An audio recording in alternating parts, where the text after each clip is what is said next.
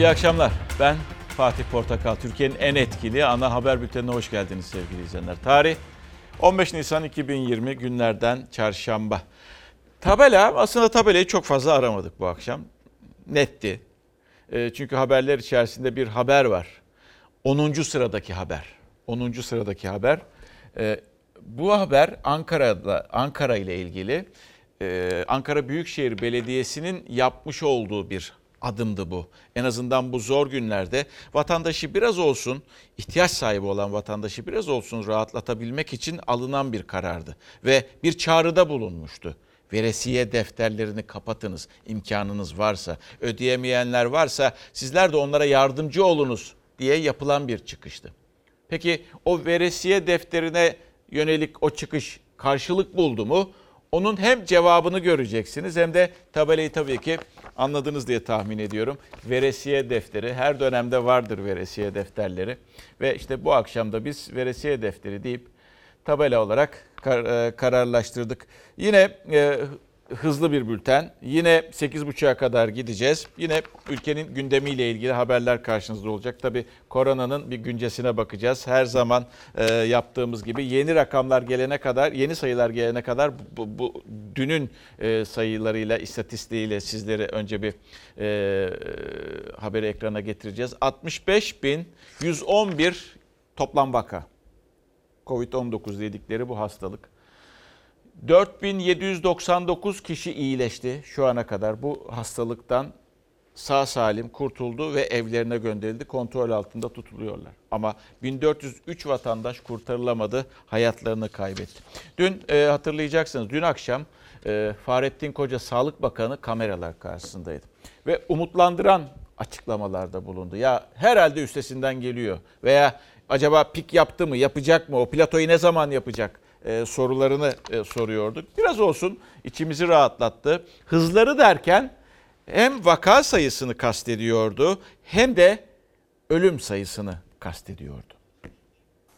Türkiye'de hastalığın bir haftada en çok vaka sayısına ulaşması dördüncü haftada gerçekleşti. Yani dördüncü haftada Türkiye'de vaka artış hızı düşüşe geçti. Sağlık Bakanı ilk vakanın görülmesinin üzerinden geçen 5. haftada umut veren cümleler kurdu. Vaka artış hızı da düşüşte dedi, ölüm artış hızı da. Türkiye ölüm artış hızındaki yavaşlamayı en erken yakalayan ülkedir. 14 Nisan'da 4062 yeni kişiye teşhis kondu. Toplam vaka sayısı 65.111'e ulaştı. Hayatını kaybedenlerin sayısı ise 1403. 1809 kişi yoğun bakımda.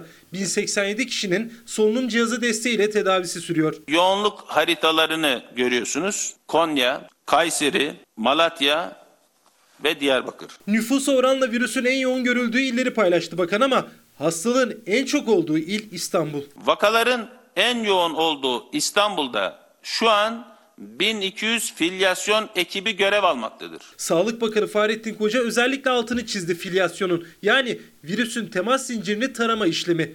Bugüne kadar 65 bin vakanın temasta olduğu 261.989 kişi tespit edildi. Yani bu virüs taşıyan bir kişinin ortalama 5 kişiyle temas ettiği anlamına geliyor. Pozitif tanı konan hastaların her birinin son 3 gün içinde temas ettiği bütün kişilere ulaşıp onları taramaya çalıştık. Bugüne kadar temas zincirinde yer alan 261.989 kişi tespit edilmiş. Bunların yaklaşık %96'sına ulaşarak takip yapılmıştır. Vaka artış hızının erkenden düşüşe geçmesini biz bu filyasyonla sağladık. Yani testi pozitif çıkan kişinin temas içinde olduğu kişiler tespit ediliyor önce ve zaman kaybetmeden filyasyon ekipleri o kişileri buluyor, takip alıyor. Böylece erken tanı ve tedaviyle hastalığın yayılma hızı azalıyor. Vaka artış hızının in- inişe geçmiş olması mücadelede doğru yolda olduğumuzun, tedbirlerin sonuç verdiğinin, sonuç alacağımızın somut işaretleridir. Sağlık Bakanı Fahrettin Koca umut dağıtan cümleler kurdu ama tedbiri elden bırakmamak gerektiğinin altını özellikle çizdi. Ve hastalığın Türkiye'de en üst noktaya ulaşacağı tarihi de verdi. Önümüzdeki 1-2 haftanın e, önemli olduğunu ve yeni bir dalgalanmanın e, olmamasını olmadığı müddetçe de piki önümüzdeki 1-2 hafta içinde yakalayacağımızı düşünüyorum. Pik dediği zirveden bahset. Burada işte bildim. E, pik dediği zirveden bahsediyor. Yani çan eğrisi diyorlar ya. Şöyle geliyor, çıkıyor, çıkıyor, piki yapıyor, zirveyi yapıyor, platosunu yapıp, düzlüğünü yapıp aşağı iniyor ve ondan sonra da rutininde gidiyor. Bunu demek istiyor. Şimdi bir cümle vardı. O cümleyi lütfen unutmayınız. Çünkü araya bir e, paragraf var. Onu okuyacağım. Yeni bir dalga olmaz ise dedi Sayın Koca. Bu aklınızda bulunsun. Yeni bir dalga olmaz ise dedi. Heh, e, oraya kadar da e, o cümle aklınızda olsun. Bir e, hekimden, e, bilim insanından bir e, uyarı var veya bir tespit var. Kendince bir tespit onu paylaşayım. Uludağ Üniversitesi Halk Sağlığı Anabilim Dalı Başkanı Profesör Doktor Kayahan Pala e, bir değerlendirme yapıyor biliyorsunuz. E, tabip odasıyla e, Sağlık Bakanlığı arasında veriler yüzünden zaman zaman tartışmalar çıkıyor. Kodlama kelimesini belki o sözcüğü duymuşsunuzdur. Yani kodlamalardan çıkan farklılık. Hoca şöyle söylüyor Sayın Pala. Mezun ettiğimiz öğrencilerimiz ve meslektaşlarımız baktıkları hastaları kayıtlara geçirmeye çalışırken kodlarla ilgili bazı sıkıntıların sık- sıkıntılarını bizimle paylaştılar. Bu sıkıntılardan bir tanesi bazı hastaların COVID-19 olarak düşünüldüğü halde avian influenza diye bilinen başka bir hastalık olarak girmesiydi. Burada bunun sakıncalarından da bahsediyor hoca aslına bakacak olursak. Ki bu dünyada da yaşanan bir olaymış. Sadece Türkiye'de değil, dünyada da e, bu ikilemin yaşandığını e, söylüyor yazısında. Diyor ki bunu böyle yaptıkları zaman sakıncalardan biri, birincisi kıyaslama yapmakta zorlanabiliriz. İkincisi bence diyor hoca e, Sayın Kayahan Pala, bence en az birincisi kadar önemli. Türkiye doğrulanmamış diye kabul ettiği vakaları kayıtlarına geçirmiyor diyor. İşte bu da önemli bir tespitti. Zaten tabip odasıyla Sağlık Bakanlığı'nı da ayrı düşüren e, veya e, karşıt düşüren durumda bu kodlamalardan kaynaklanıyordu. Bazı ölüm raporları da geliyor zaten. E, Sizlere de belki yani gazetecilerin çoğuna geliyor. Onları da fark ediyoruz orada. Şimdi dedim ki size yeni bir dalgalanma olmaz ise e, söz buydu. Çünkü neyi kastediyordu aslında e, Sağlık Bakanı? Sokağa çıkma yasağı durumundan bahsediyordu geçen haftaki. Ve dün bu soruyu sormuştuk kendisine. Sokağa çıkma yasağından haberdar mıydı, değil miydi? Bu sorunun cevabını bir şekilde zaten haber, haberlerin içerisinde de göreceksiniz. Tabii durum böyle. Eee çok aslında şey olarak da girmedi. Yani e, aman şunu da eleştireyim, bunu da eleştireyim, işte e, işte Soylu'yu eleştireyim filan o yüzden zaten olamazdı. Onu beklemiyorduk zaten. Ama ama isim vermedi. isim vermedi. Cuma'yı bir şekilde geçtiğimiz cumayı bir şekilde işaret etti. Yeni bir dalgalanmanın olmamasını olmadığı müddetçe de piki önümüzdeki 1-2 hafta içinde yakalayacağımızı düşünüyorum. Salgının en üst noktaya ulaşacağı tarih için önümüzdeki 1-2 haftayı işaret etti Sağlık Bakanı Fahrettin Koca. Ama bir dalgalanma yaşanmazsa şerhini de düştü. Bakanın sözünü ettiği dalgalanma Cuma günü sokağa çıkma yasağı kararı sonrası yaşananların olası sonucu. Önümüzdeki günlerde bu sonuçları birlikte görmüş olacağız. sokağa çıkma kısıtlaması, yasağı e, ilan edildi. 31 ilde gece yarısından itibaren geçerli olacak sokağa çıkma yasağı 2 saat önceden sürpriz şekilde duyurulunca evinde kalması gereken halk panikle sokağa marketlere koştu. Virüsün yayılma riskini artıran görüntüler Türkiye gündemine damga vurdu. Açık olan yerler çok az olduğu için doğal olarak milletimizin bir telaşı var. Sağlık Bakanlığı olarak ciddi bir sınavın içine geçen bütün o kurumların aklından ve bilim kurulunun içinden geçmiş olsaydı bu böyle hatalı bir karar alınmazdı. Dedim ki bu çok dar bir ekip. Cumhurbaşkanı öyle böyle bir konu arz ettiler ve bir talimat aldılar. Bilim kurulunun her zaman üzerinde durduğu bir şekilde izolasyonun ve hareketli ortamın minimalize edilmesi şeklinde oldu. Bilim Kurulu da Sağlık Bakanı da bugüne kadar hep izolasyon korunmalı, hareket azalmalı tavsiyesinde bulundu ama Cuma günü 63 milyonu temsil eden 31 ilde sokaklar bir anda hareketlendi. Sağlık Bakanı 2 günlük sokağa çıkma yasağı amaca hizmet ediyordu derken yasağın 2 saat önce duyurulmasıyla yaşananlar için yorum yapmamayı tercih etti. Cuma günü yaşananlarla ilgili benim farklı bir şey söylemem gerekmiyor. Gece yarısına 2 saat kala sokağa çıkma yasağı ilan ettiler. Vatandaş doğal olarak yarın nasıl besleneceğim diye sokağa çıktı. Cuma günü alınan karar hükümetin bir kararı. Sağlık Bakanı dedi ki bir kişinin sosyal e, mesafeye dikkat etmemesi dolayısıyla bir kişiye bulaştı mı 16 kişiye bulaştırıyor dedi. Sayın İçişleri Bakanı da olayı küçümsemek için 250 bin kişi çıktı o kadar büyütmeyin dedi. 250 bin 16 ile çarpın 4 milyon kişi enfekte olmuş olabilir. O günle ilgili Sayın Süleyman Bey zaten gerekli açıklamaları şeffaf bir şekilde yaptı. Benim buna ilave edecek herhangi bir sözümün olmadığını söylemek istiyorum. İçişleri Bakanı Süleyman Soylu istifa mesajında ortaya çıkan görüntüler mükemmel yönetilen bu süreçle uyuşmadı demişti. Sağlık Bakanı Fahrettin Koca da o sözlere atıf yaparak yorum yapmamayı tercih etti. Ama Cuma günkü tablo sonrası yeni bir dalgalanma yani vaka artışı riskinden söz etti. Sonuçlarıyla ilgili rakamları şeffaf bir şekilde her gün sizlere aktarıyoruz. Önümüzdeki günlerde bu sonuçları birlikte görmüş olacağız. İşte bir iki hafta demesinin sebebi de o. Ne gün okudum size? Pazartesi veya salı günüydü herhalde. Ee, bir profesör diyordu. Yani bir hafta 10 gün içerisinde sonuçlarının e, ne yarattığı, nasıl bir e, tahribat yapıp yapmadığı olumsuz veya e, olumlu diyemeyiz ama olumsuz bir etkisinin olup olmadığını anlayabiliriz demişti. Ben haberinin olmadığını düşünenlerden veya çok geç vakit haberi olduğu düşünenlerdenim. Tabii e, yani kol kırılır yen içinde kalır. Bilemeyiz neler yaşandı. O gün neler yaşandı tam olarak bilmek e, e, mümkün değil. Ha bizim muhabirimiz o çok merak edilen soruyu da sordu dün akşam sevgili izleyenler. Yani siz bir tartışma aranızda yaşandı mı, ta- ta- taşanmadı mı, Ee, tartışma yaşandı mı, yaşanmadı mı? Bir de e, bu, bu- şey yok mu? Ha, bu, bu soru da vardı. Şey istifa polemiği için verir misin? Ha, bu soruyu evet sokağa çıkma e, yasağından haberdar mısınız değil misiniz? Bir oydu. Bir de e, aranızda bir tartışma yaşandı mı? Bir istifa etmeyi düşünüldü mü? Siz de düşündünüz mü istifa etmeyi? Çünkü öyle yazılanlar da çizilenler de vardı.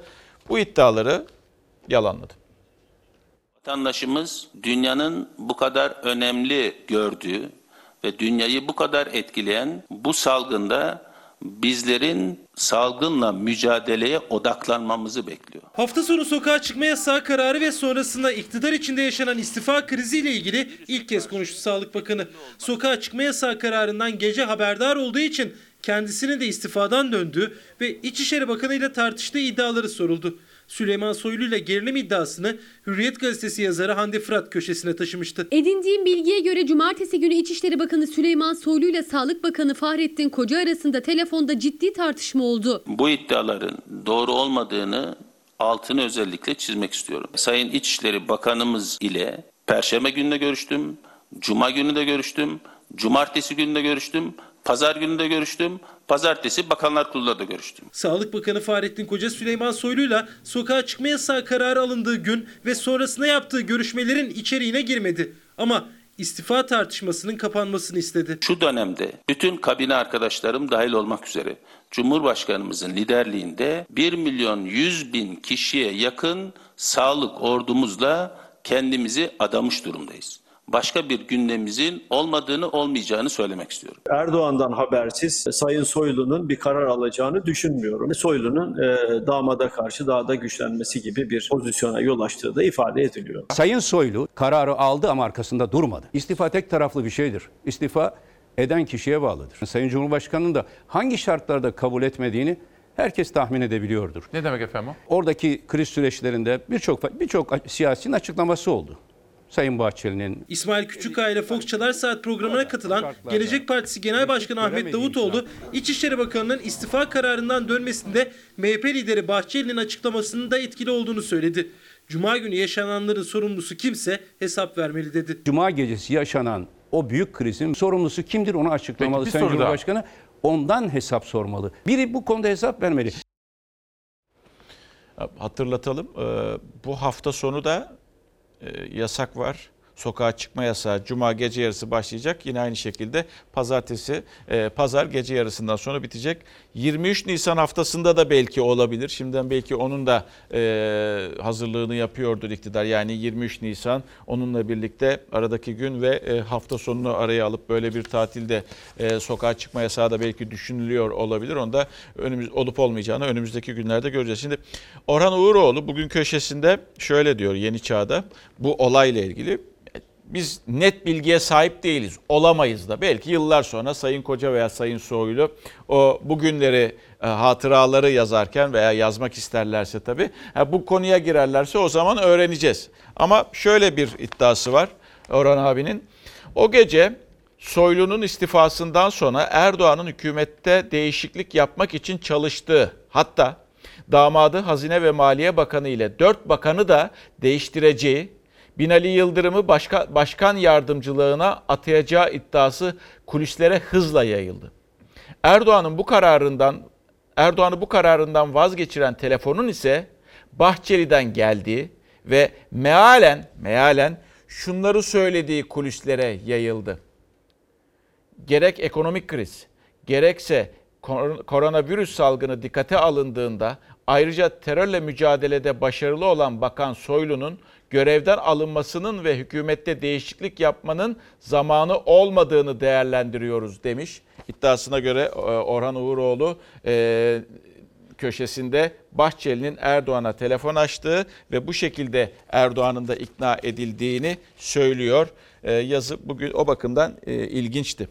Ve yarından sonra da belki artık bu konu çok fazla konuşulmayacak. Geldik dünyaya bakalım. Dünyada neler yaşanıyor? Dünyada bir kere onu söyleyelim.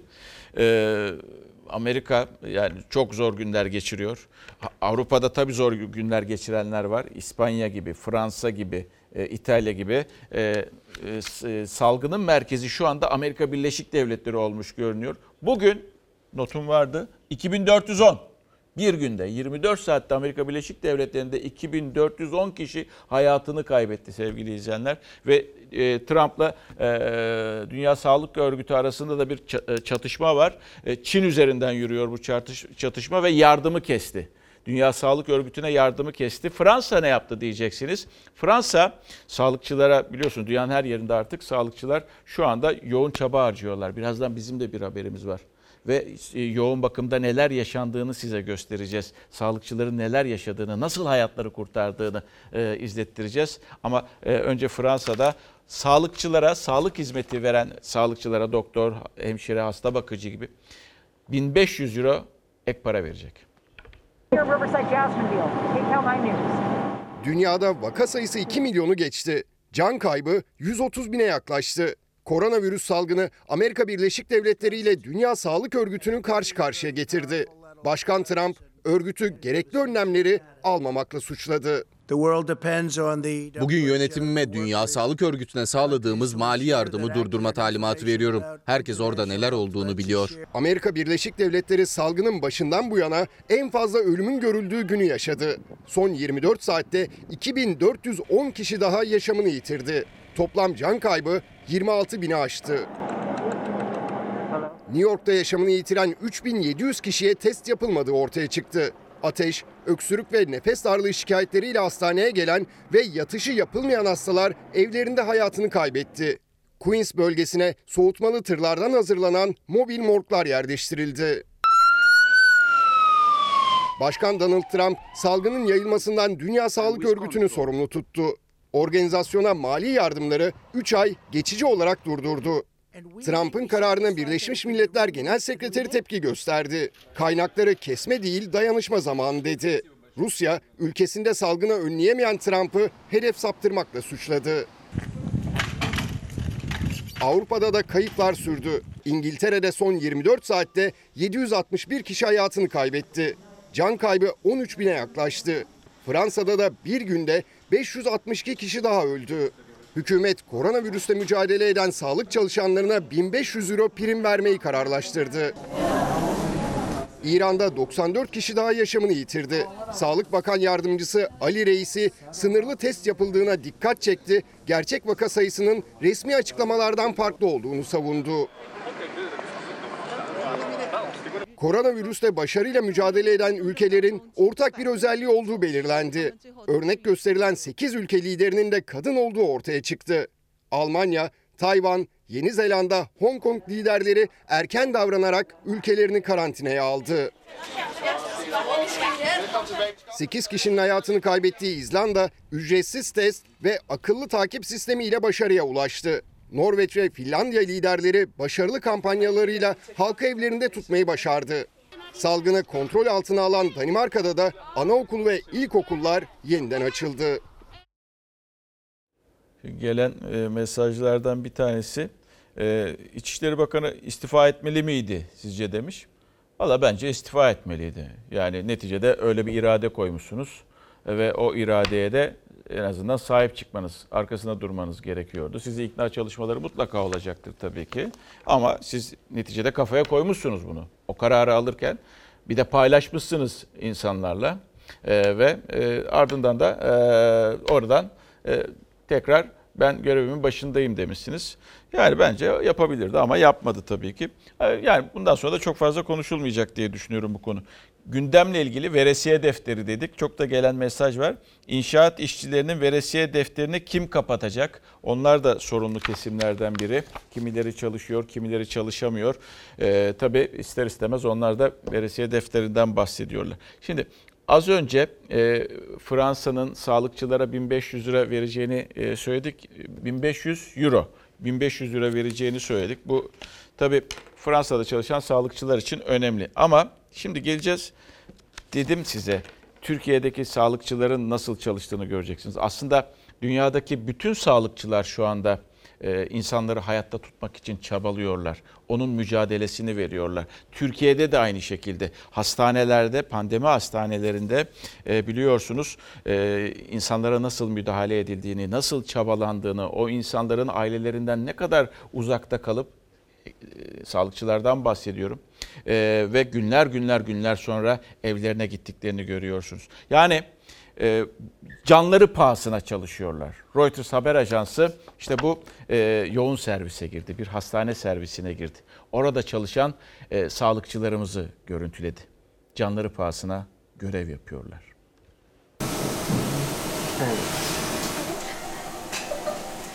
Buğulanmış gözlüğün ardından baktıkları, yaşatmaya çalıştıkları en kritik hastalar. Kurtardıkları her can birer umut Türkiye için. Ve onlar canları pahasına fedakarca çaba gösterdikçe koronavirüse karşı zafere bir adım daha yaklaşılıyor. Onlar yoğun bakım ünitelerinde çalışan doktorlar, hemşireler, sağlık çalışanları. Saatler süren zorlu mesainin ardından gülümsedikleri o an ışık saçıyorlar.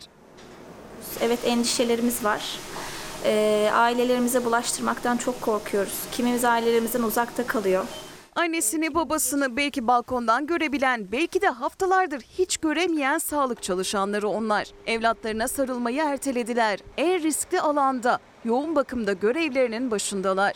Ve Reuters Türkiye'de ilk kez o alanı görüntüledi. Yoğun bakım hastalarının bakıldığı, mücadelenin 7-24 sürdüğü yerdeydi haber ajansı. Sadece bu özel kıyafetlerle durabilmek bile büyük özveri. Özel tulumları, eldivenleri, gözlükleri var. Bir canı daha kurtarma ümidiyle durdurak bilmeden çalışıyorlar. Alınlarından akan her damla ter bir hastayı daha bağlıyor yaşama. Hasta olsalar da hastalarını bırakmıyorlar. İyileşir iyileşmez görevlerinin başına dönüyorlar. Ee, kimimiz geçirdik, ben de geçirdim e, koronavirüsü. Sonra iyileştik, tekrar görevimizin başına geldik. Biyolog Abdullah Can Yüce de virüsü yenmeyi başaranlardan. Görev başında tanıştı hastalıkla. Tamamen iyileşti. Başkalarına umut olsun diye kan verdi. İmmün plazma tedavisi yani e, plazmamdaki antikorları alarak iyileşme ümidiyle bekleyen hastalarda kullanılmak üzere şu an görmüş olduğunuz gibi kanım toplanıyor. Hastaların tedavileri, bakımları, yemekleri, yoğun bakım ünitesinde de laboratuvarlarda da yoğun fedakarlık var. Salgın hızla sona ersin diye kendilerini bir kenara bırakan sağlıkçılar gece gündüz umut olmaya devam ediyorlar. İyi ki varsınız. Ee, Çok şey borçluyuz sizlere. Yani bu zor günlerden geçiyoruz. Her zaman tabii ki e, sizlere çok şey borçluyuz. Çünkü insanı hayatta tutmaya çalışıyorsunuz. Ama şu anda çok daha e, fazla teşekkür ediyoruz sizlere. Bir zaman zaman vatandaşlardan gelen mesajları da okuyorum biliyorsunuz. E, tabii de bülten 8.30'a kadar uzadığı için o da iyi geliyor aslında. Beni de rahatlatıyor. İtiraf. Eyvallah. Eyvallah. Şimdi e, bir doktordan bir mesaj gelmiş ve o mesajda e, yaşadığı bir sıkıntıyı anlatıyor.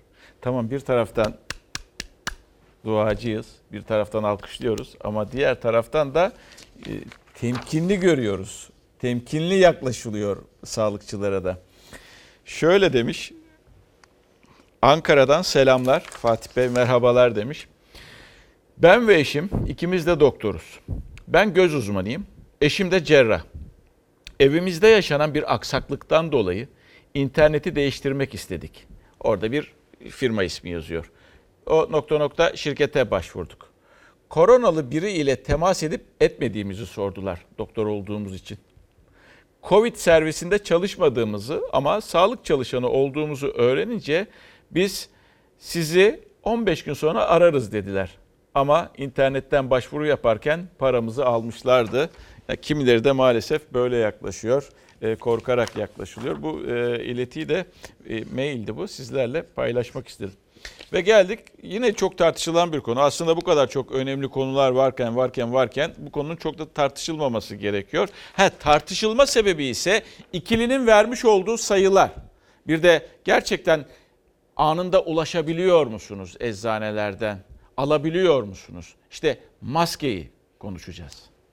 Bana geliyor burada. Yaşar Özdemir diye. Ne satışı var ne de dağıtılması var. Hiçbir mağazadan, hiçbir eczaneden falan alamıyoruz. Nasıl olacak bilmiyorum yani. Eczanelerden alınabilecek maskeler için bugüne kadar 32 milyon vatandaşımıza Sağlık Bakanlığı'nın doğrulama kodunun yer aldığı mesaj gitmiştir. 20 bine yakın kişiye mesaj gönderildi.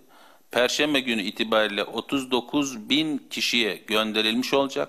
Dolayısıyla pardon 39 milyon e, kişiye gönderilmiş olacak. Birer gün arayla kaç kişiye maske kodu gönderildiğini açıkladı Cumhurbaşkanı Erdoğan ve Sağlık Bakanı Koca. Ancak o kısa mesajın hala ulaşmadığı milyonlarca kişi var. Markette, pazarda, toplu taşıma araçlarında zorunlu maske takmak. Satışı ise yasak. Satın alacağız alamıyoruz. Kod da gelmedi. Gelmedi. Gelecek mi bilmiyoruz. Aynı maskeyle idare ediyorsunuz. Aa, yık- yıkıyoruz. Yok kodum gelmedi daha. Yani bir hafta oldu. Bir de şeker diyabet hastasıyım. Böyle kullanıyorum. Ne yapıyorsunuz? Yıkıyor musunuz onu?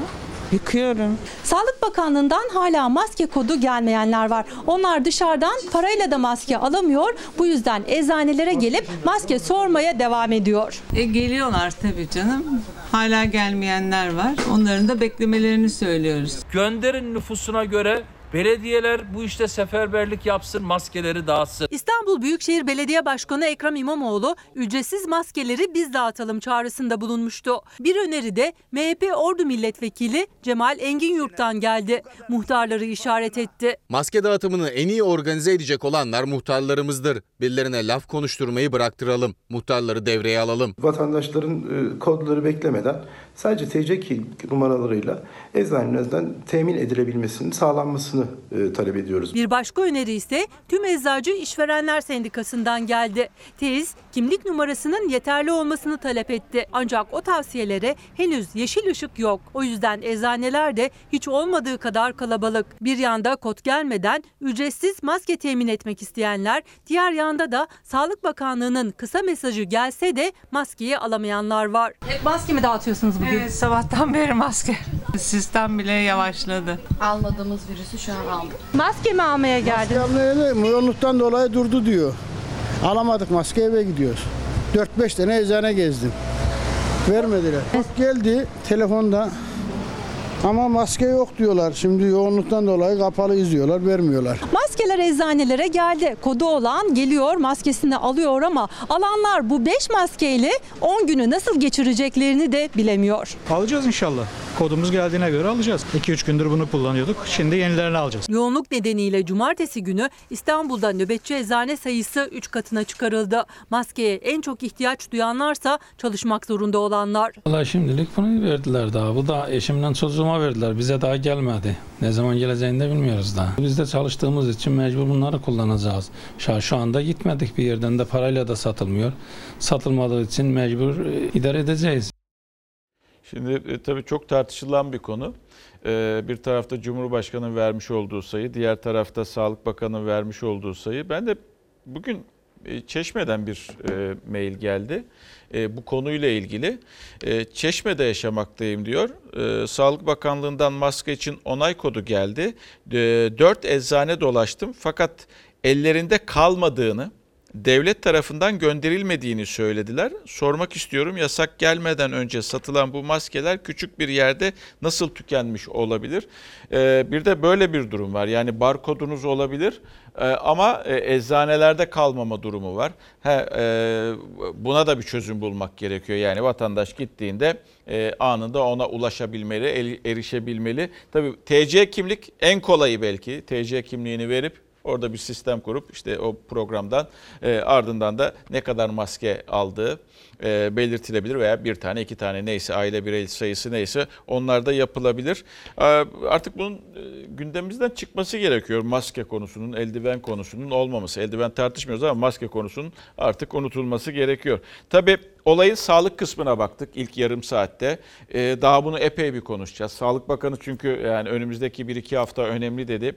O, e, o önemli derken de tabii ki ee, bu sok geçtiğimiz hafta yaşanan kargaşayı kastediyordu. Onun bir olumsuz neticesinin olup olmadığını hep birlikte önümüzdeki bir iki hafta sonra göreceğiz. Eğer olmazsa her şey yolunda gider, giderse Mayıs başı gibi Türkiye rahatlayacak e, ifadelerini de açıkçası söyledi. E, üstü kapalı değil nete yakın bir şekilde. Bu olayın sağlık kısmı bir de ekonomi boyutu var. Yani bu tüm dünyayı da etkiliyor, bizi de etkiliyor. Mesela e, piyasalarda diyeceksiniz ki piyasa mı var? Yani piyasalarda ne var?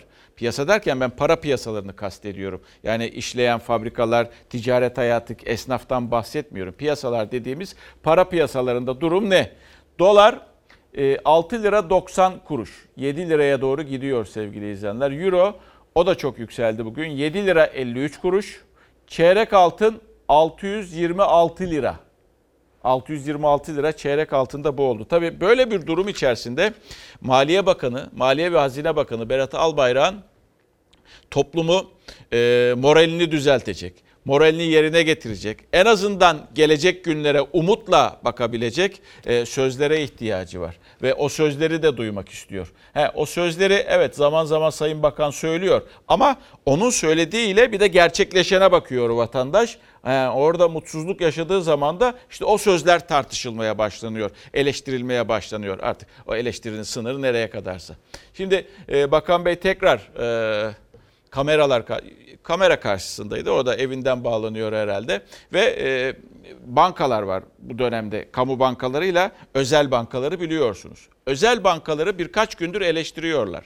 İşte ilk e, Maliye Bakanı ile başladı. E, Sayın Cumhurbaşkanı ön özür dilerim. Önce Top Başkanı ile başladı. Önce Top Başkanı ile başladı. Sonra e, işin içerisine e, Hazine Bakanı girdi. Cumhurbaşkanı girdi ve bir kez daha uyarma gereği duydu e, Maliye Bakanı Berat Albayrak süslü reklamlar yapılanı süslü reklamlar yapılanı gizleyemez dedi. Ama bu cümlenin devamı da var.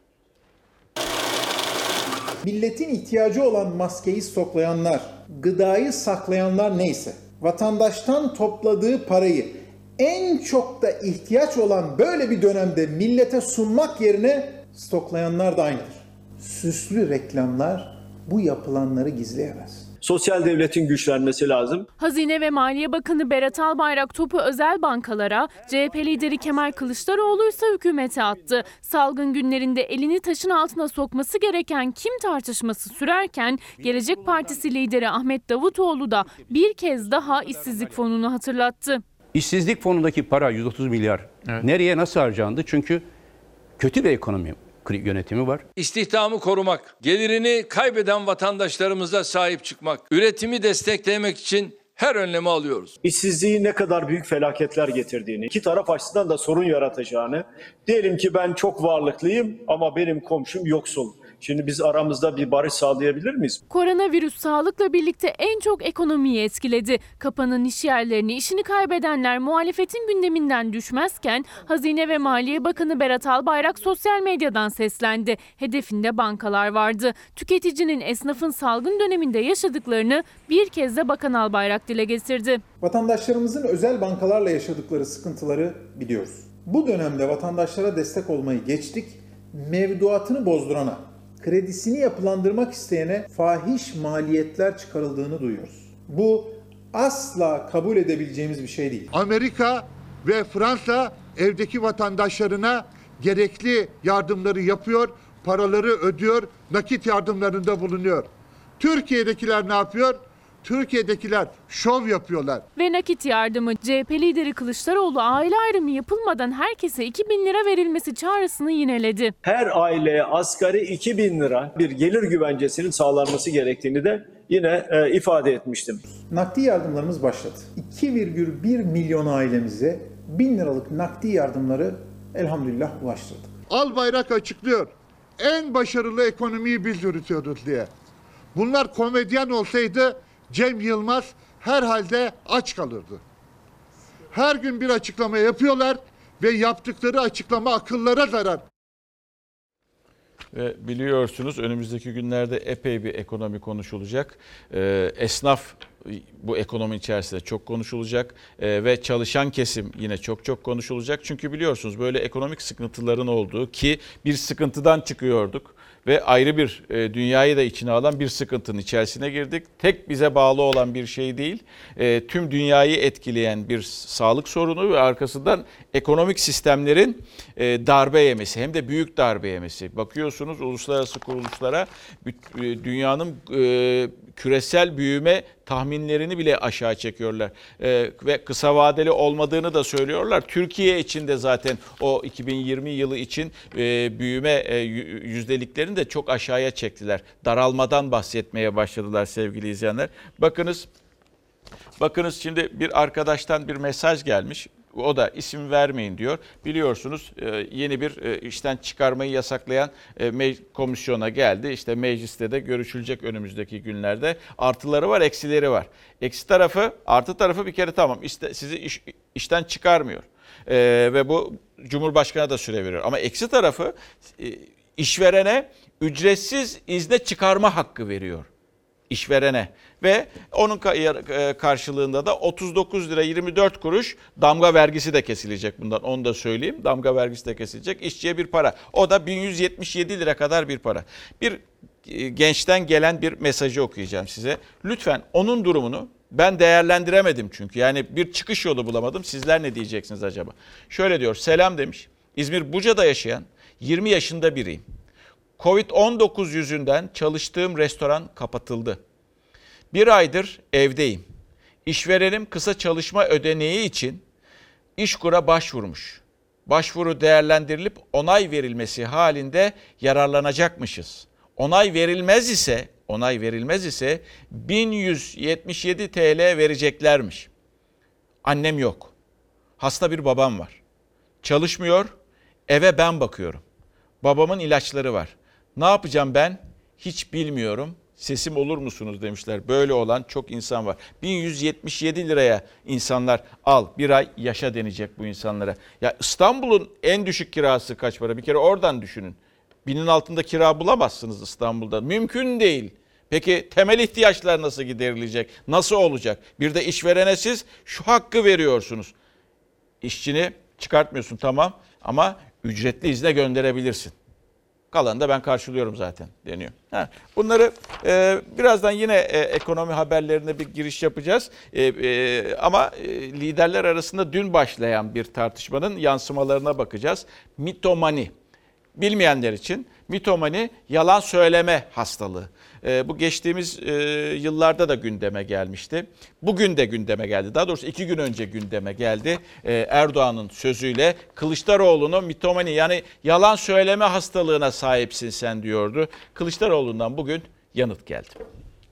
Milletin gözünün içine bakarak bu kadar yalanı arka arkaya söylemek mitomani hastalığıdır. Erdoğan benimle tartışmak istiyor. Oturup konuşuruz. Kim mitomanidir, kim değildir hep beraber görürüz. Mitomani yani yalan söyleme, söylediği yalana inanma hastalığı siyasette yeni tartışma başlığı. Cumhurbaşkanı Erdoğan CHP lideri Kemal Kılıçdaroğlu'nu sert sözlerle eleştirmişti. Kılıçdaroğlu insanlar can derdinde dedi. Umarım hekimlerimiz bu hastalığa da tez zamanda kurduğu bir bilim kurulu da var zaten. Herhalde o bilim kuruluyla karşılığını bulur. Yaşanan bütün olumsuzlukları örtmek için acaba ben Kılıçdaroğlu'yla özel bir tartışmaya girersem e, bütün bunlar göz ardı edilebilir mi? diye bir özel çaba içinde. Hele hele bu insanların can derdinde olduğu bir dönemde bu tür bir tartışmanın içine asla girmek istemem. Gün birlik olma, dayanışma, yardımlaşma, kardeş olduğumuzu dünyaya gösterme günüdür. Cumhurbaşkanı Erdoğan kabine toplantısından sonra birlik beraberlik çağrısında bulunmuştu ama aynı konuşmasında muhalefeti de hedefine aldı.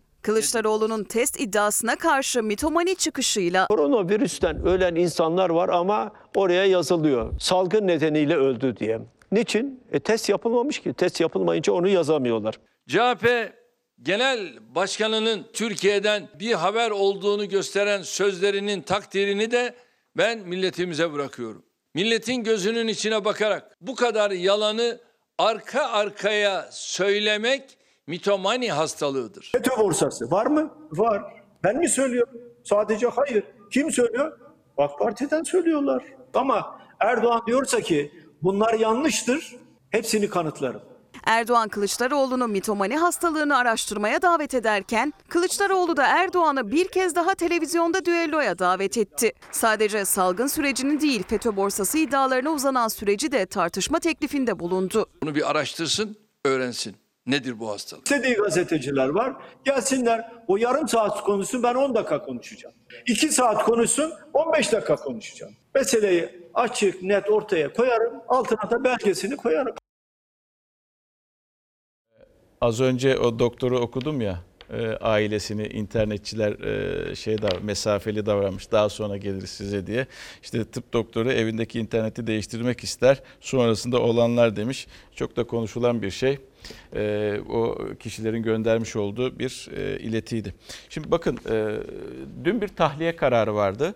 E, geçmişte e, Kumpas Ergenekon davalarına bakan onun savcılarından biri Mehmet Murat Dalkuş eski Ergenekon savcısıydı. E, e, FETÖ sanığı olarak kendisi cezaevindeydi. Ve onun hikayesi de çok farklı. Öyle ki e, önce teslim olmuyor. Daha sonra yakalanıyor da cezaevine konuyor ve e, dün tahliye edildi. 28. Ağır Ceza Mahkemesi toplanan delil durumu koronavirüs salgını nedeniyle alınan önlemler sanığın tutuklu kaldığı süre ve delil kararma karartma ihtimalinin bulunmaması için bulunmamalarını gerekçe göstererek Mehmet Murat Dalkuş'un tahliyesine karar verdi. Tabii e, ev hapsi ve yurt dışına e, çıkma yasağı da kondu. Onu da söyleyelim. Ha, bugün bu dosya tekrar bakıldı. Dosyaya tekrar bakıldı ve e, FETÖ sanığı, kumpas savcısı olduğu da iddia edilen kişi yani Mehmet Murat Dalkuş tutuklandı sevgili izleyenler. Burada çok enteresan bir şey var. Ee, onu da sizlerle paylaşmak isterim. Dün Celal Ülgen'in bu konuyla ilgili bir açıklaması vardı. Bakın Celal Bey şöyle diyordu. Ee, anımsamak gerekir. Savcı mahkemece tahliyesinden sonra hakkında çıkarılan yakalama kararına rağmen 3 yıl müddetle aranmış, bu kişiden bahsediyoruz ve bir köylüsünün ihbarı ile yakalanmıştı.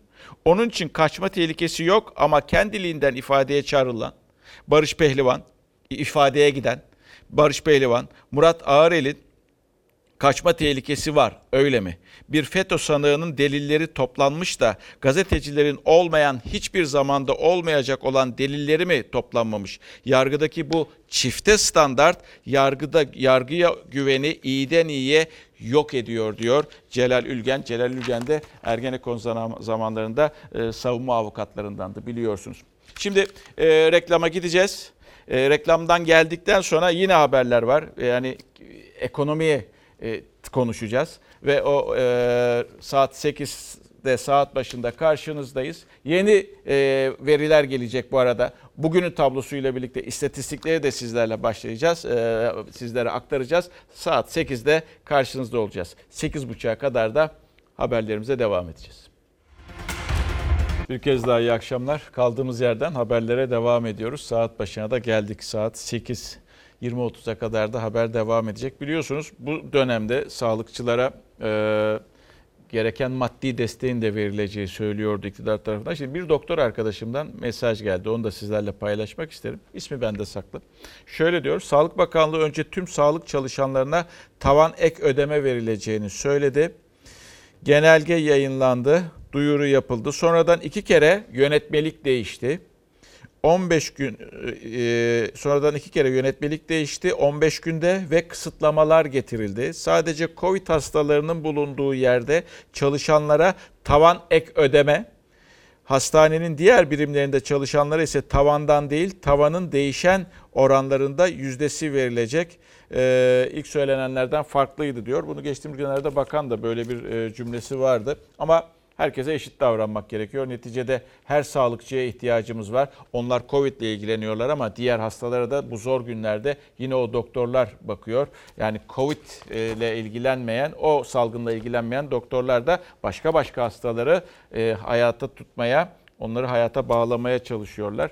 Önümüzdeki günlerde belki iki kere değiştiğine göre bir üçüncü değişiklikte neden olmasın. Şimdi e, gelelim ekonomiyle devam edeceğiz dedik. Çünkü çok konuşacağız. Bugün bazı yazarlara da baktığınızda önümüzdeki günlerde çok konuşulacağını da söylüyor ekonominin. Dünya ekonomisi ve tabii Türkiye ekonomisi de. Biliyorsunuz e, yapılması gerekendi. İşten çıkartma yasaklansın. Belki ilk günlerde bu adımın atılması gerekiyordu ama geçici de olsa atıldı. Aması var. Aması olmasa iyiydi. Neydi aması? E, işverene işten çıkartma yasaklanıyor ama e, işverene de ücretli işçiyi ücretsiz izne çıkarma hakkı tanınıyor. E, bu şekilde belki de işsizlik oranlarının artmaması hedefleniyor. Kağıt üstünde ondan bahsediyoruz. Peki bunun bir tarihi de belirlendi. Ne zaman e, işten çıkartmalar e, yasaklanacak? Herkes merakla o tarihi bekliyordu. Meclise geldi, komisyondan geçti. Önümüzdeki hafta yasalaşacak diye tahmin ediyoruz. İşte yasalaştığı zaman kanun yürürlüğe girecek ve o zamandan itibaren geçerli olacak. Peki ya öncesinde işten çıkartılanlar ne olacak? İstihdamın sürmesi için 3 ay boyunca işten çıkarmaların önüne geçiyoruz. Ne zaman işten çıkarıldınız ya da işsiz kaldınız? Yeni yeni çıktım yeni. İki gün önce çıkışım öyle evet. AK Parti'nin meclise sunduğu ve komisyonda kabul edilen pakette işten çıkarmaları 3 ay yasaklayan madde var. Ama 3 aylık süre yasanın yürürlüğe girdiği tarihte başlayacak. 3 ay boyunca çıkış yapamayacaklar için şu an çok güzel bir avantaj olmuş ama öncesinde çıkış yapanlar için ne yapacaklar? Ben çıkmışım işte daha bu saatten sonra. Ben şey ettikten sonra sen kilitledik. Ne işime yarar? Beni çıkaran çıkarmış. Disk korona tedbirlerinin alınmaya başladığı Mart ayının ikinci haftasında çağrı yapmıştı iktidara. O süre zarfında on binlerce iş yeri tedbir kapsamında kapandı.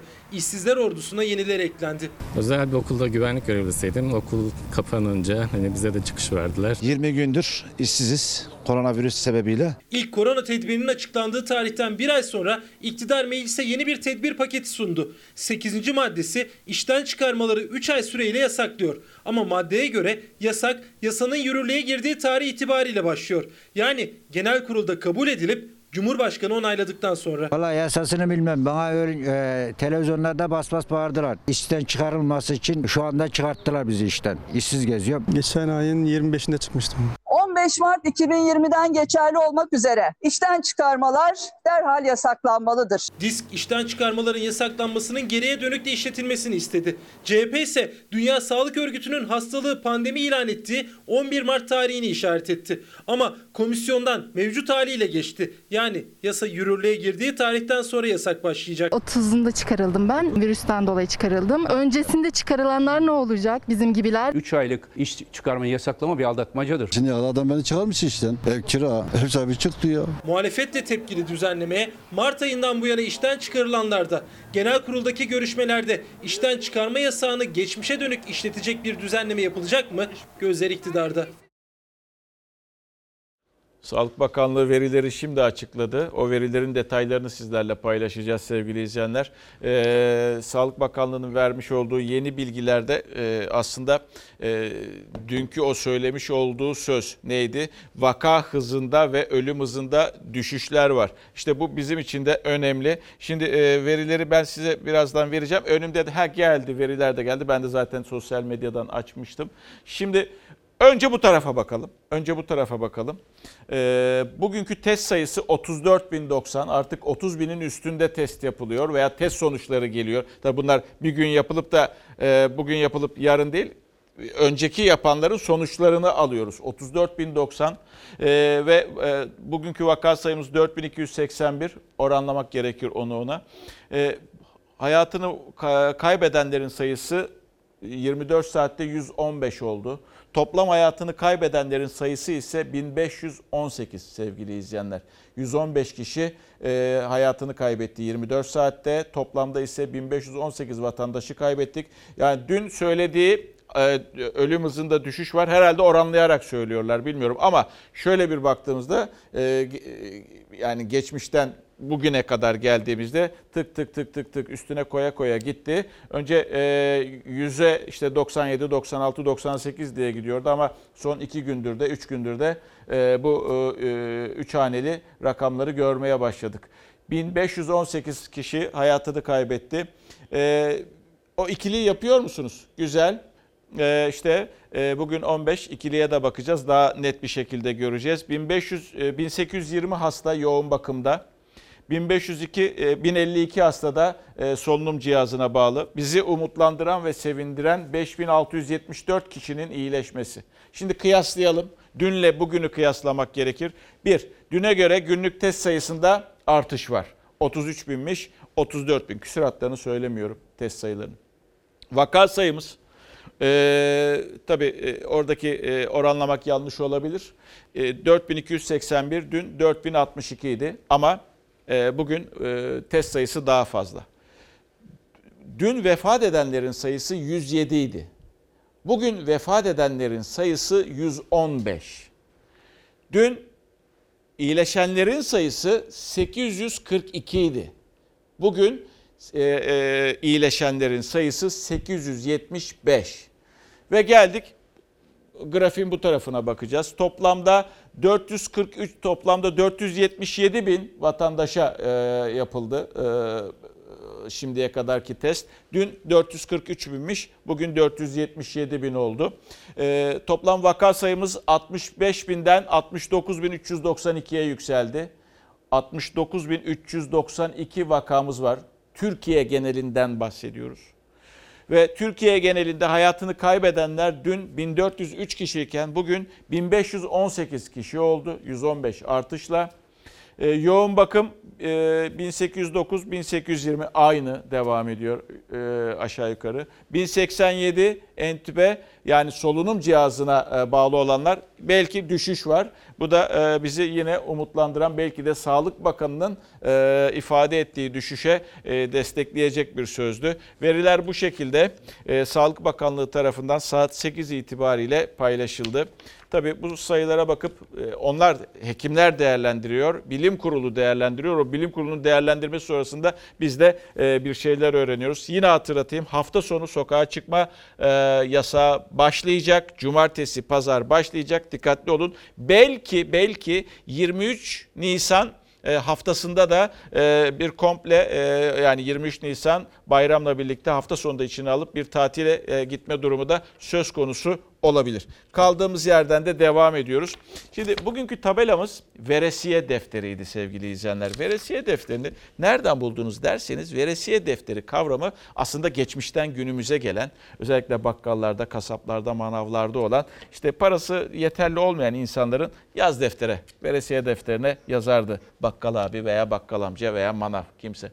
Şimdi bu son süreçte biliyorsunuz belediyelerin bağış kampanyaları iptal edildi. Hesapları donduruldu e, hükümet tarafından. Ve onlar da bir şekilde yine insanlara dokunabilmek için bir şeyler yapma çabası içerisindeydi. Farklı yöntemler arıyorlar. Ha, o yöntemleri de buluyorlar. Özellikle Ankara Büyükşehir Belediye Başkanı Mansur Yavaş ve sosyal belediyecilik adına güzel adımlar atıyor sevgili izleyenler. Herkesin belediye başkanı olduğunu kanıtlarcasına ki öyle olması gerekir. Öncülük yapıyor kendisi. Dedi ki durumu iyi olanlar var mı arkadaş? Varsa mahallenizde kim varsa gidin bakkalına veresiye defterini ben kapatıyorum deyin. Ve ihtiyaçlarını bu şekilde giderin dedi. Ve buna yanıt da aldı. mahallenizdeki ya da komşu mahallenizdeki bakkala, kasaba veya manava gidin. Veresiye defterindeki bir ihtiyaç sahibinin borcunu ödeyin. Bir iki arkadaş geldi. Borcun tamamını kapatıp gittiler. Kaç kişinin ne kadar? 20-25 kişi civarı 1600 TL. Dedim ki böyle böyle sizin borcunuz yok dedim. Bir hayırsever geldi. Borcunuzu kapattı. Ne dedi size? Geldi benim e, alnımdan öptü. Ondan sonra ağladı. Arkadaşlar geldi. 7-8 bin lira sildik. 250 lirasını ödediler. Ee, bir 250 lira daha verip 5 tane vatandaşın da alışveriş yapmasını sağladılar. Arkadaşları da görünce de bayağı bir heyecanlandım ben. Yani hesaplıyorum ama elim ayağım şey oldu, şaşırdım, şok geçirdim yani öyle o şekilde. İlk defa böyle bir şey gördüğümüz için. İsimleri farklı olsa da hikayeleri aynı olan yüzlerce isim yazılıydı o kara kaplı veresiye defterlerinde. Ama gün be gün artan borçlar bir gecede beşer onar kapanmaya başladı. Sihirli bir değnek misali yüzlerce dar gelirlinin ve yıllardır o ödemelerin yolunu gözleyenlerin yüzünü güldürdü isimsiz kahramanlar. Parayı ödedi, defteri aldı götürdü. Önümüz Ramazan. Ankaralılar olarak bu zor günlerde lütfen böyle bir güzelliğe imza atıp Türkiye'ye örnek olalım. İşte o çağrıya kulak veren bir hayırsever 40 yıldır işletilen bu bakkal dükkanına geldi ve tek seferde birçok kişiye ait tam 8 bin liralık borcu ödedi. 200, 500, 600 topladık sildik onları. Bayağı dolu dolu rakamlar. Bak şu çarpı olanlar hep silinmiş. Bağış kampanyasının iptal olması ve hesaplarına bloke konmasıyla yeni bir çağrı yaptı Ankara Büyükşehir Belediyesi Başkanı Mansur Yavaş. İhtiyaç sahiplerinin veresiye borçlarını kapatın dedi Ankaralı hayırseverlere. İşte o çağrıya yüzlerce isimsiz kahraman kulak verdi. Çankaya Belediyesi'nin de desteğiyle Ankara'da dalga dalga yayıldı iyilik hareketi. Geldi veresiye defterine bakacağım dedi. İşte olan borçları kapatacağım dedi. Bin lira kadar bir meblağ ödedi. Vallahi hiç öyle bir şey görmediydik. Yani sevindik açıkçası. 500'ü zaten şeydi alacaklıydık. 500'ünü de yine garibanlara verdik. Senin borcu yok şu an. Yok. Vallahi helal olsun diyorum ne diyeyim. Öyle insanlarımız da hala var demek bitmemiş. Oysa Osmanlı döneminde bir gelenekti. Maddi gücü olanların, hiç tanımadıkları yoksulların Ramazan ayında zimem defteri yani veresiye borçlarını ödemesi, kim oldukları da bilinmeyen hayırseverler yardımlaşmanın en güzel halini sergilerlerdi. İşte o gelenek yeniden can buldu. Bakkala borcumuz vardı. Sevindik tabii ki de borcumuz kapanınca. Zor durumdayız zaten. Eşim de çalışmıyor. Bir yaşında da kızım var benim. E, 350 lira kiramız var ama 6 aydır da kiramızı ödeyemiyoruz biz. Hepsi de kapandı. Yani yine geleceğiz dediler. Bekliyoruz yani. Temiz sayfa açın. Temiz sayfa zaten açtım bugün. Yazdıranlar oldu. Tabii tabii aynen öyle. Yani insanları tebessüm ederken görmek, yani gülerken görmek çok önemli bir şey. Mutlu etmek insanları o çok daha önemli bir şey. Tebrik etmek gerekiyor kendisini Sayın Başkanı. E, Bu zor günlerden geçerken bir şekilde yani formül bulmaya çalışıyor. Bulabildiği kadarıyla.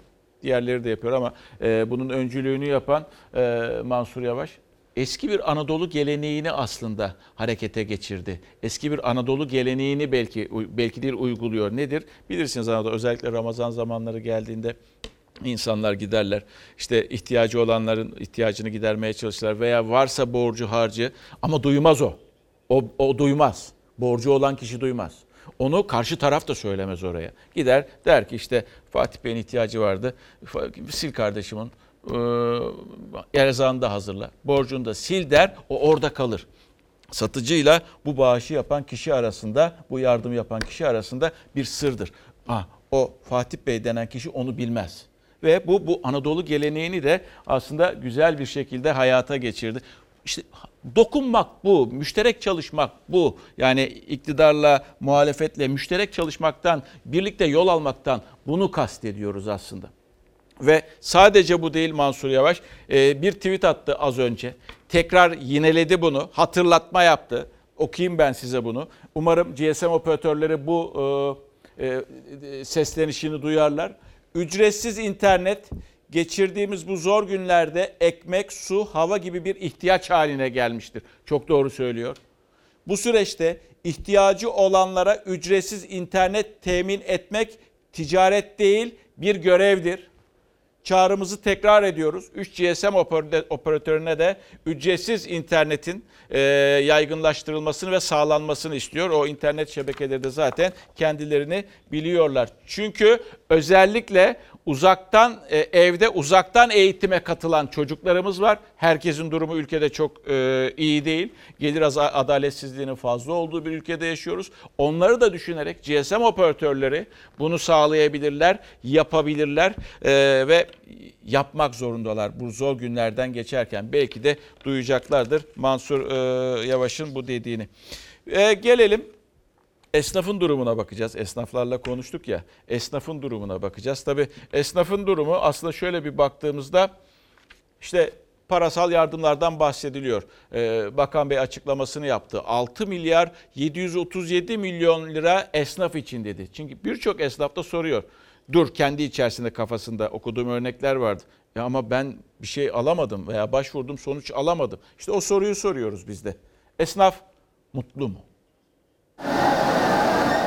Çok çalışacağız. Vatandaşlarımızın yanında dimdik duracağız. Esnafımız için tahsis edilen toplam finansman rakamı 6 milyar 737 milyon lirayı buldu. E, Şu anda bütün araçlarımız döndü. Döndüğü için e, tabii ki ödemelerimizde sıkıntılar yaşıyoruz. İş yapmak para kazanmak için değil, dönen işleri almak için dükkanında aslında. Yani çalıştığı her an kazanmıyor, kaybediyor. Çoğu esnaf da onunla aynı sıkıntıda. 25 bin liralık esnaf destek finansmanımıza başvuruda bulunan esnaf sayımız 412.714 oldu. Bu kapsamda süreci tamamlanan esnaf sayımız da 206.959'a çıktı. Kredi musluğu açıldı ama her esnaf ulaşamıyor faizli krediye. Nakit akışı da kesilince bir birinmeye başladı kepenkler. Koronavirüs sonrası birçok iş yeri faaliyetine ara verdi ya da durdurdu. Hatta büyük kısmı çalıştıkları dükkanlardan çıkmak zorunda kaldı. Çünkü masraflara yetişemiyorlar çalışmadıkları için. Bakın işte görüyoruz birçok dükkanda aynı ilan nasılı. Burası koronavirüsten önce hemen önce çalışan dükkanlardı ama yol boyunca baktığımız zaman manzara her yerde aynı.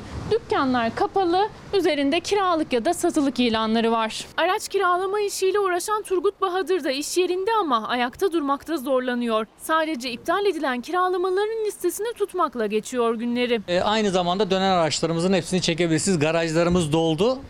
Garajların dolmasının dışında e, sokakta park edecek yer bulamıyoruz. Esnafın ayakta kalabilmesi için destek şart çünkü işler dönmüyor. Bu da işlerin dönmediğinin en net görüntülerinden biri aslında.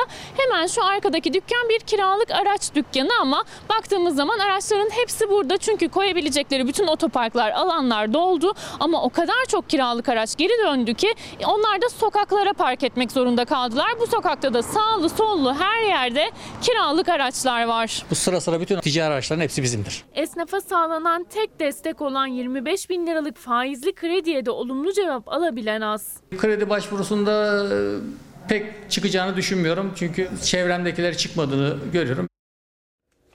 Bu arada e, Bendevi Palandöken e, biliyorsunuz e, esnaf e, Türkiye Esnaf ve Sanatkarlar Konfederasyonu Başkanı, TES Başkanı e, İçişleri Bakanlığı'na bir başvuru yaptı. Hafta sonu malum e, yasak e, sokağa çıkma yasağı var. Bir kez daha hatırlatalım. E, bakkalların ve büfelerin açık olmasını istedi. Bakkalların ve büfelerin açık olmasını istedi. Bende bir palan döken ve gerçekten evet e, marketler var, büyük market zincirleri var ama küçük bakkallar da var biliyorsunuz. E, küçük marketler var. Onların da ayakta durması şart. Onlar da çok çok önemli e, işler görüyorlar çünkü. Ve e, hafta sonu lütfen son güne bırakmayın alışverişinizi. Hafta sonu çünkü cumartesi ve pazar e, sokağa çıkma yasağı olacak. Şimdiden alışverişlerinizi yapın. Sakin sakin sakin sakin yapın. Bu ara tedbirli olmakta fayda var. Bir de eczanelerle ilgili yeni bir e, artık genelge yayınlandı. Yeni bir düzenleme, düzenleme diyelim. İstanbul geneli sokağa çıkma yasağı dolayısıyla nöbetçi eczane sayısı arttırılıp e, diğer eczaneler eczanelerini açmayacaklar. Vatandaşa haberi duyurursanız iyi olur demiş. E, bunu da paylaşalım. E, nöbetçi eczane sayısı artarak devam edecek. E, arttırılacak sokağa çıkma yasağının olduğu günlerde. Ve geldik ee, yine bu koronalı günlerde e, hastane ihtiyacımız olacak mıydı? Evet şu anda bir hastane ihtiyacımızın olmayacağını zaten görüyoruz. Ama çok değil bundan bir hafta 10 gün önce diyeyim tam olarak zamanı hatırlayamayacağım. Kısa bir süre önce e, Cumhurbaşkanı ulusa seslenirken hastaneler kuruyoruz dedi. Salgın hastaneleri olarak göreve başlayacak ama daha sonra biz onu e, sağlık kompleksi haline döndüreceğiz. Ve işte onlardan biri e, karşı taraftaydı. Sancaktepe'de. Diğeri de Atatürk Havalimanı içerisindeydi. Şimdi Atatürk Havalimanı'nda çok arazi var. Çok fazla arazi var. Büyük bir araziden bahsediyoruz. Millet Parkı yapılacak. Çok da büyük yapılar var içinde. Çok ama hangarlar var, büyük büyük yerler var. Hazır. Masrafa gerek yok. Masraf yapılacak ama sıfırdan yapmanın maliyeti olmayacak. Bir de Atatürk Havalimanı'nda pistler var. Şöyle bunları da pist olarak düşünün. Şimdi e, hastanenin yapılacağı yer bin e, yataklı e, tek kat yapılacak hastanenin yapılacağı yer pistlerin olduğu yer. Pisti böyle düşünün. Pistleri kırdılar. Pistler kırıldı. Artık görüyorsunuz da arkada. Artık kullanılmayacak halde ve ister istemez de o soruyu soruyorsunuz. İstanbul'u bilenler bilir. Florya'dadır Atatürk Havalimanı. İşlemiyor şu anda. Ama Florya değerli bir yerdir. Ve bu soruyu soruyorsunuz. Yine ister istemez. Yeni rant kapısı mı olacak? Havaalanının içinde şu an inşaatın yapıldığı yer her zaman Atatürk Havalimanı'nda pistten inip kalktığımız bir pistin üzerine ve yanına yapılan bir inşaat. Ya Allah aşkına şu anda Atatürk Havalimanı'nın mevcut pistini bozmanın alemine Yoksa Sahra Hastanesi yaparak havaalanı tamamen yok edip havaalanından dolayı yapılamayan gökdelen projelerini mi hayata geçireceksiniz? Yapı yükseklikleri artabilir havalimanı işlevi oradan kalktığı için. Temeli ortaya çıktı bile. Salgın Hastanesi Atatürk Havalimanı'ndaki pistlerin üstüne yapılıyor. İstanbul Büyükşehir Belediyesi'nin CHP'li meclis üyesi Nadir Ataman'a göre bu durum sadece havalimanını işlevsiz bırakmayacak, çevresinde de rant kapısını aralayacak. Bu bölgeyi Sahra Hastanesi ile 50 katlı, 60 katlı binaları mı hazırlıyorsunuz? Atatürk Havalimanı'nda pistlerin başlangıç ve bitiş noktalarına uçakların yaklaşma açısında kaldığı için yüksek katlı yapılaşma izni verilmiyordu. Ama iki pistin üzerine hastane inşaatı başladı. Bu da acaba havalimanının etrafında yüksek katlı yapılaşma mı başlayacak sorusunu getirdi akıllara. Böylesi bir dönemde bile rant düşünenlere diyecek söz bulamıyoruz.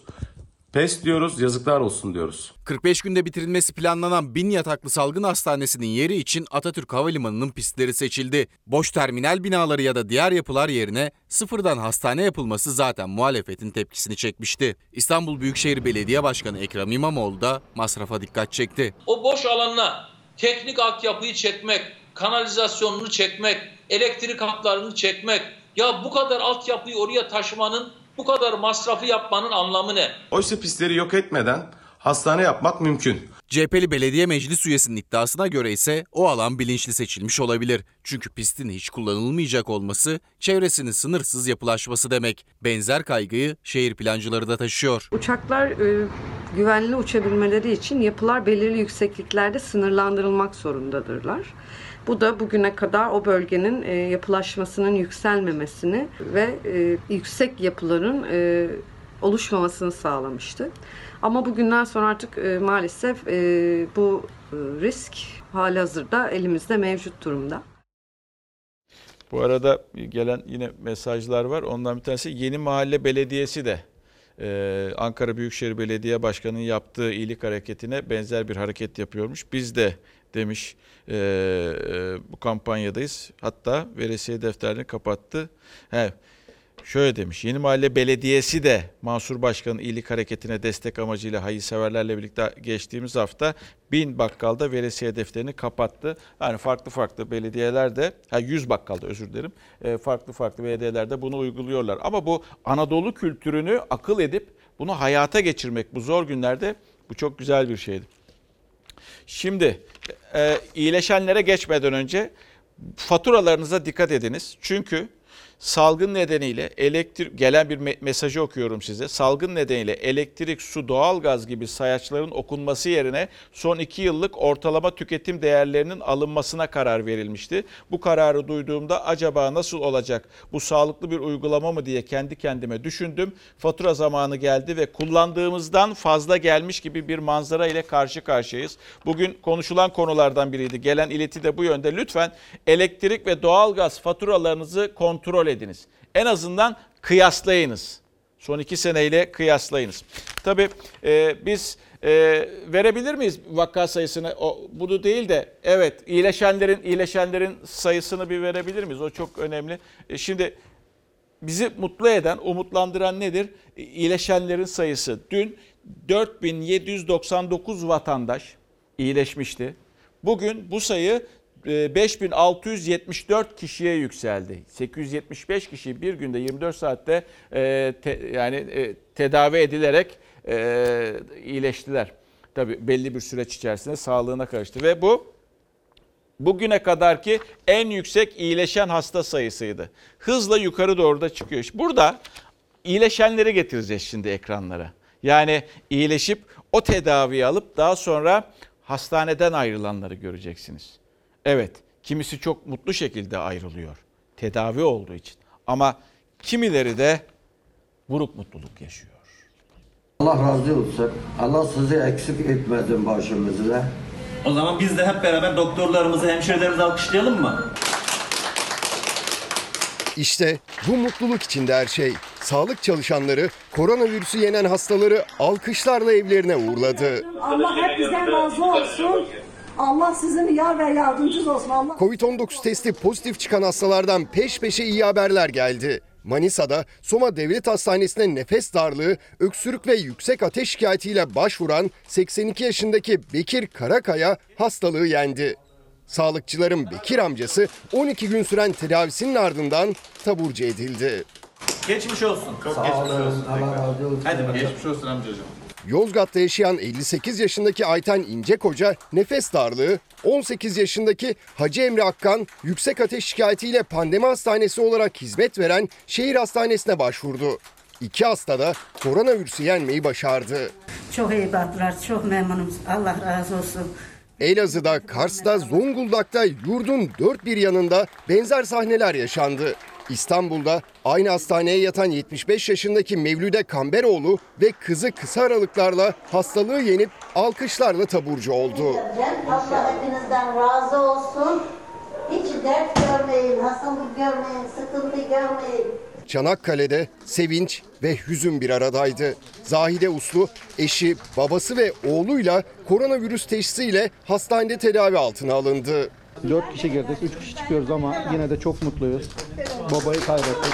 10 gün süren tedavi sonunda Zahide Uslu, babası ve oğlu hayata tutundu. Ancak eşi İlhan Uslu tüm çabalara rağmen kurtarılamadı. Her şeyi yaşadık. Acıyı gördük, hastalığı gördük. Doktorlarımızdan, sağlıkçılarımızdan Allah razı olsun. Allah onların ayağına taş, gözüne yaş değdirmesin inşallah. İzmir'de asistan hekim Betül İkbal Doğan hastalığı yendi, görevine döndü.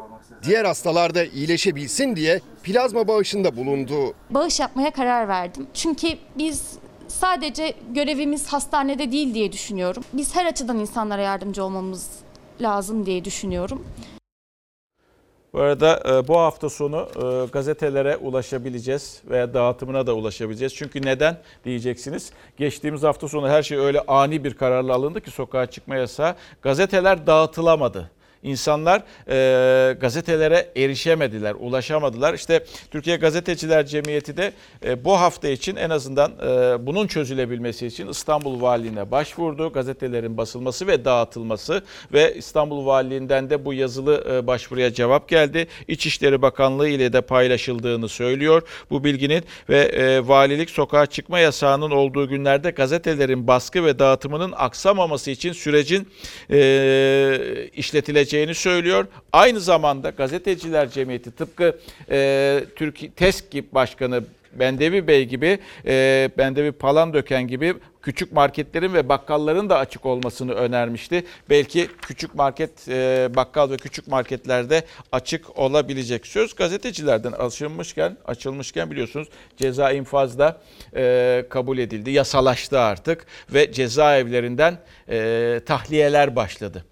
Ama cezaevleri boşalırken sadece sadece demeyeyim ama bu e, düzenlemeden, bu yeni yasadan yararlanamayanlar sadece düşündüklerini düşündüklerini aktaran veya düşündüklerini ifade eden insanlar bu yasadan yani gazeteciler bu yasadan faydalanamadılar. İnfaz yasası adı altında örtülü bir af çıkartıldı. Şimdi elimizi vicdanımıza koyalık, koyarak düşünelim. Ben elime bıçak alıyorum, gidip üç kişiyi öldürüyorum. Ondan sonra e, yasa çıktıktan sonra e, ben çıkacağım. Ama öbür tarafta eline e, bıçak almamış da eline kalem almış, yazı yazmış bir insanı da hapiste, hapiste tutacağım. Şimdi bunu ne ahlak, ne vicdan, hiçbir şey kabul etmez. Örtülü af mı? Gazeteciler neden hala cezaevinde? Muhalefet bu sorulara yanıt ararken infaz düzenlemesine ilişkin kanun yürürlüğe girdi. Binlerce tutuklu cezaevinden tahliye olmaya başladı. Abi geçmiş olsun. Yeni infaz düzenlemesi uygulamadaki sıkıntılar yanında milletimizin ve kamu vicdanının hassasiyetlerini de dikkate alarak hazırlanmıştır. Cumhur İttifakı ortağı MHP'nin uzun süredir gündemindeydi düzenleme. MHP lideri Devlet Bahçeli de gece saatlerinde bu düzenleme için mecliste yerini aldı ve ceza infaz kanunundaki değişiklik kabul edildi. Yeni düzenlemeyle bazı suçlarda infaz süresi 3'te 2'den yarı yarıya indirildi. Karar resmi gazetede de yayımlanınca tahliyeler başladı. Sosyal mesafe kuralına, maske kullanımına dikkat edildi. Aslında Milli İstihbarat Teşkilatı'na karşı işlenen suçlar da kapsam içine girecekti ama AK Parti son dakika önergesiyle MİT'e karşı işlenen suçlarda ceza oranını korudu. Barışlar var içeride. Niye bunlar içeride? Ya bunlar eline silah aldıysa, birisini öldürdüyse tamam. Sadece düşündükleri için hapse girecekler. Doğru değil. Biz adaleti sağlamak için Anayasa Mahkemesi'ne başvuracağız. Devletin malını çıkana, çalana sen buyurun dışarı buyur dışarı çıkabilirsin diyorsun. Fikir beyan eden o muhalefet edene sen bana muhalefet ettin içeride kalacaksın diyorsun. Libya haberleri nedeniyle tutuklanan gazeteciler Barış Pehlivan ve Barış Terkoğlu cezaevinde kaldı. Gazetecilerin avukatı Hüseyin Ersöz tahliye talebinde bulunduklarını açıkladı. Denetimli serbestlik hükümlerinin yine 3 sene olarak uygulanmasının da önü açılmış oldu. Bir suç eğer sizin cezaevine girmenizi gerektirmeyecekse, bir yatırı yoksa böyle bir durumda bu suçtan dolayı sizin tutuklu bulunmanızda herhangi bir hukuki fayda da yoktur. CHP Anayasa Mahkemesi'ne gitmeye hazırlanıyor. Cezaevinden tahliyelerse sürüyor. Bir adalet kavramı içermediği için, vicdanları yaraladığı için biz bunu Anayasa Mahkemesi'ne götüreceğiz. Yani her düşündüğünü söylememek gerekiyor bu ülkede sevgili izleyenler. Şimdi bir turizm bölgesinden yazan bir arkadaş var. Tanıyorum kendisini. Bodrum'da. 17 çalışanımız var. Turizm sektörü bölgesinde ayakta kalmaya çalışıyoruz. 50 bin TL üzerinde sadece maaşlar var. Kiralar hariç demiş. Açıklasınlar lütfen. Kimler kredi alabiliyor? Ayrıca bu dönemde kredi almak borcunu arttırmak değil midir? Kredi alan daha da borçlanacak. Biz ne yapacağız diye sorar kendisi. Şöyle diyor, devlet sigortalı işçilerin hesaplarına asgari ücreti 3 ay yatırsın. Patronlara değil, işçinin hesabına yatırsın. Sigortalı işçilerin demiş. Belki önümüzdeki günler bu verdiğiniz öneri çünkü zorda bulunan bir esnaf ve çare arıyor. O çareyi daha iyi görebilir yönetenlerden. Hazine ve Maliye Bakanlığı da belki dikkate alabilir. Önümüzdeki günlerde yeni bir paket hazırlanabilir. Ve kapatıyoruz. Ee, televizyonda ilk kez izleyeceğiniz, ilk kez ekranlara gelecek Miras 7 isminde bir Türk filmi e, ekrana gelecek. izleyebilirsiniz. Yarın daha mutlu, daha huzurlu, daha güvenli bir dünya ve tabii ki Türkiye'de buluşmak umuduyla. Hoşçakalın. Ezilir yerler için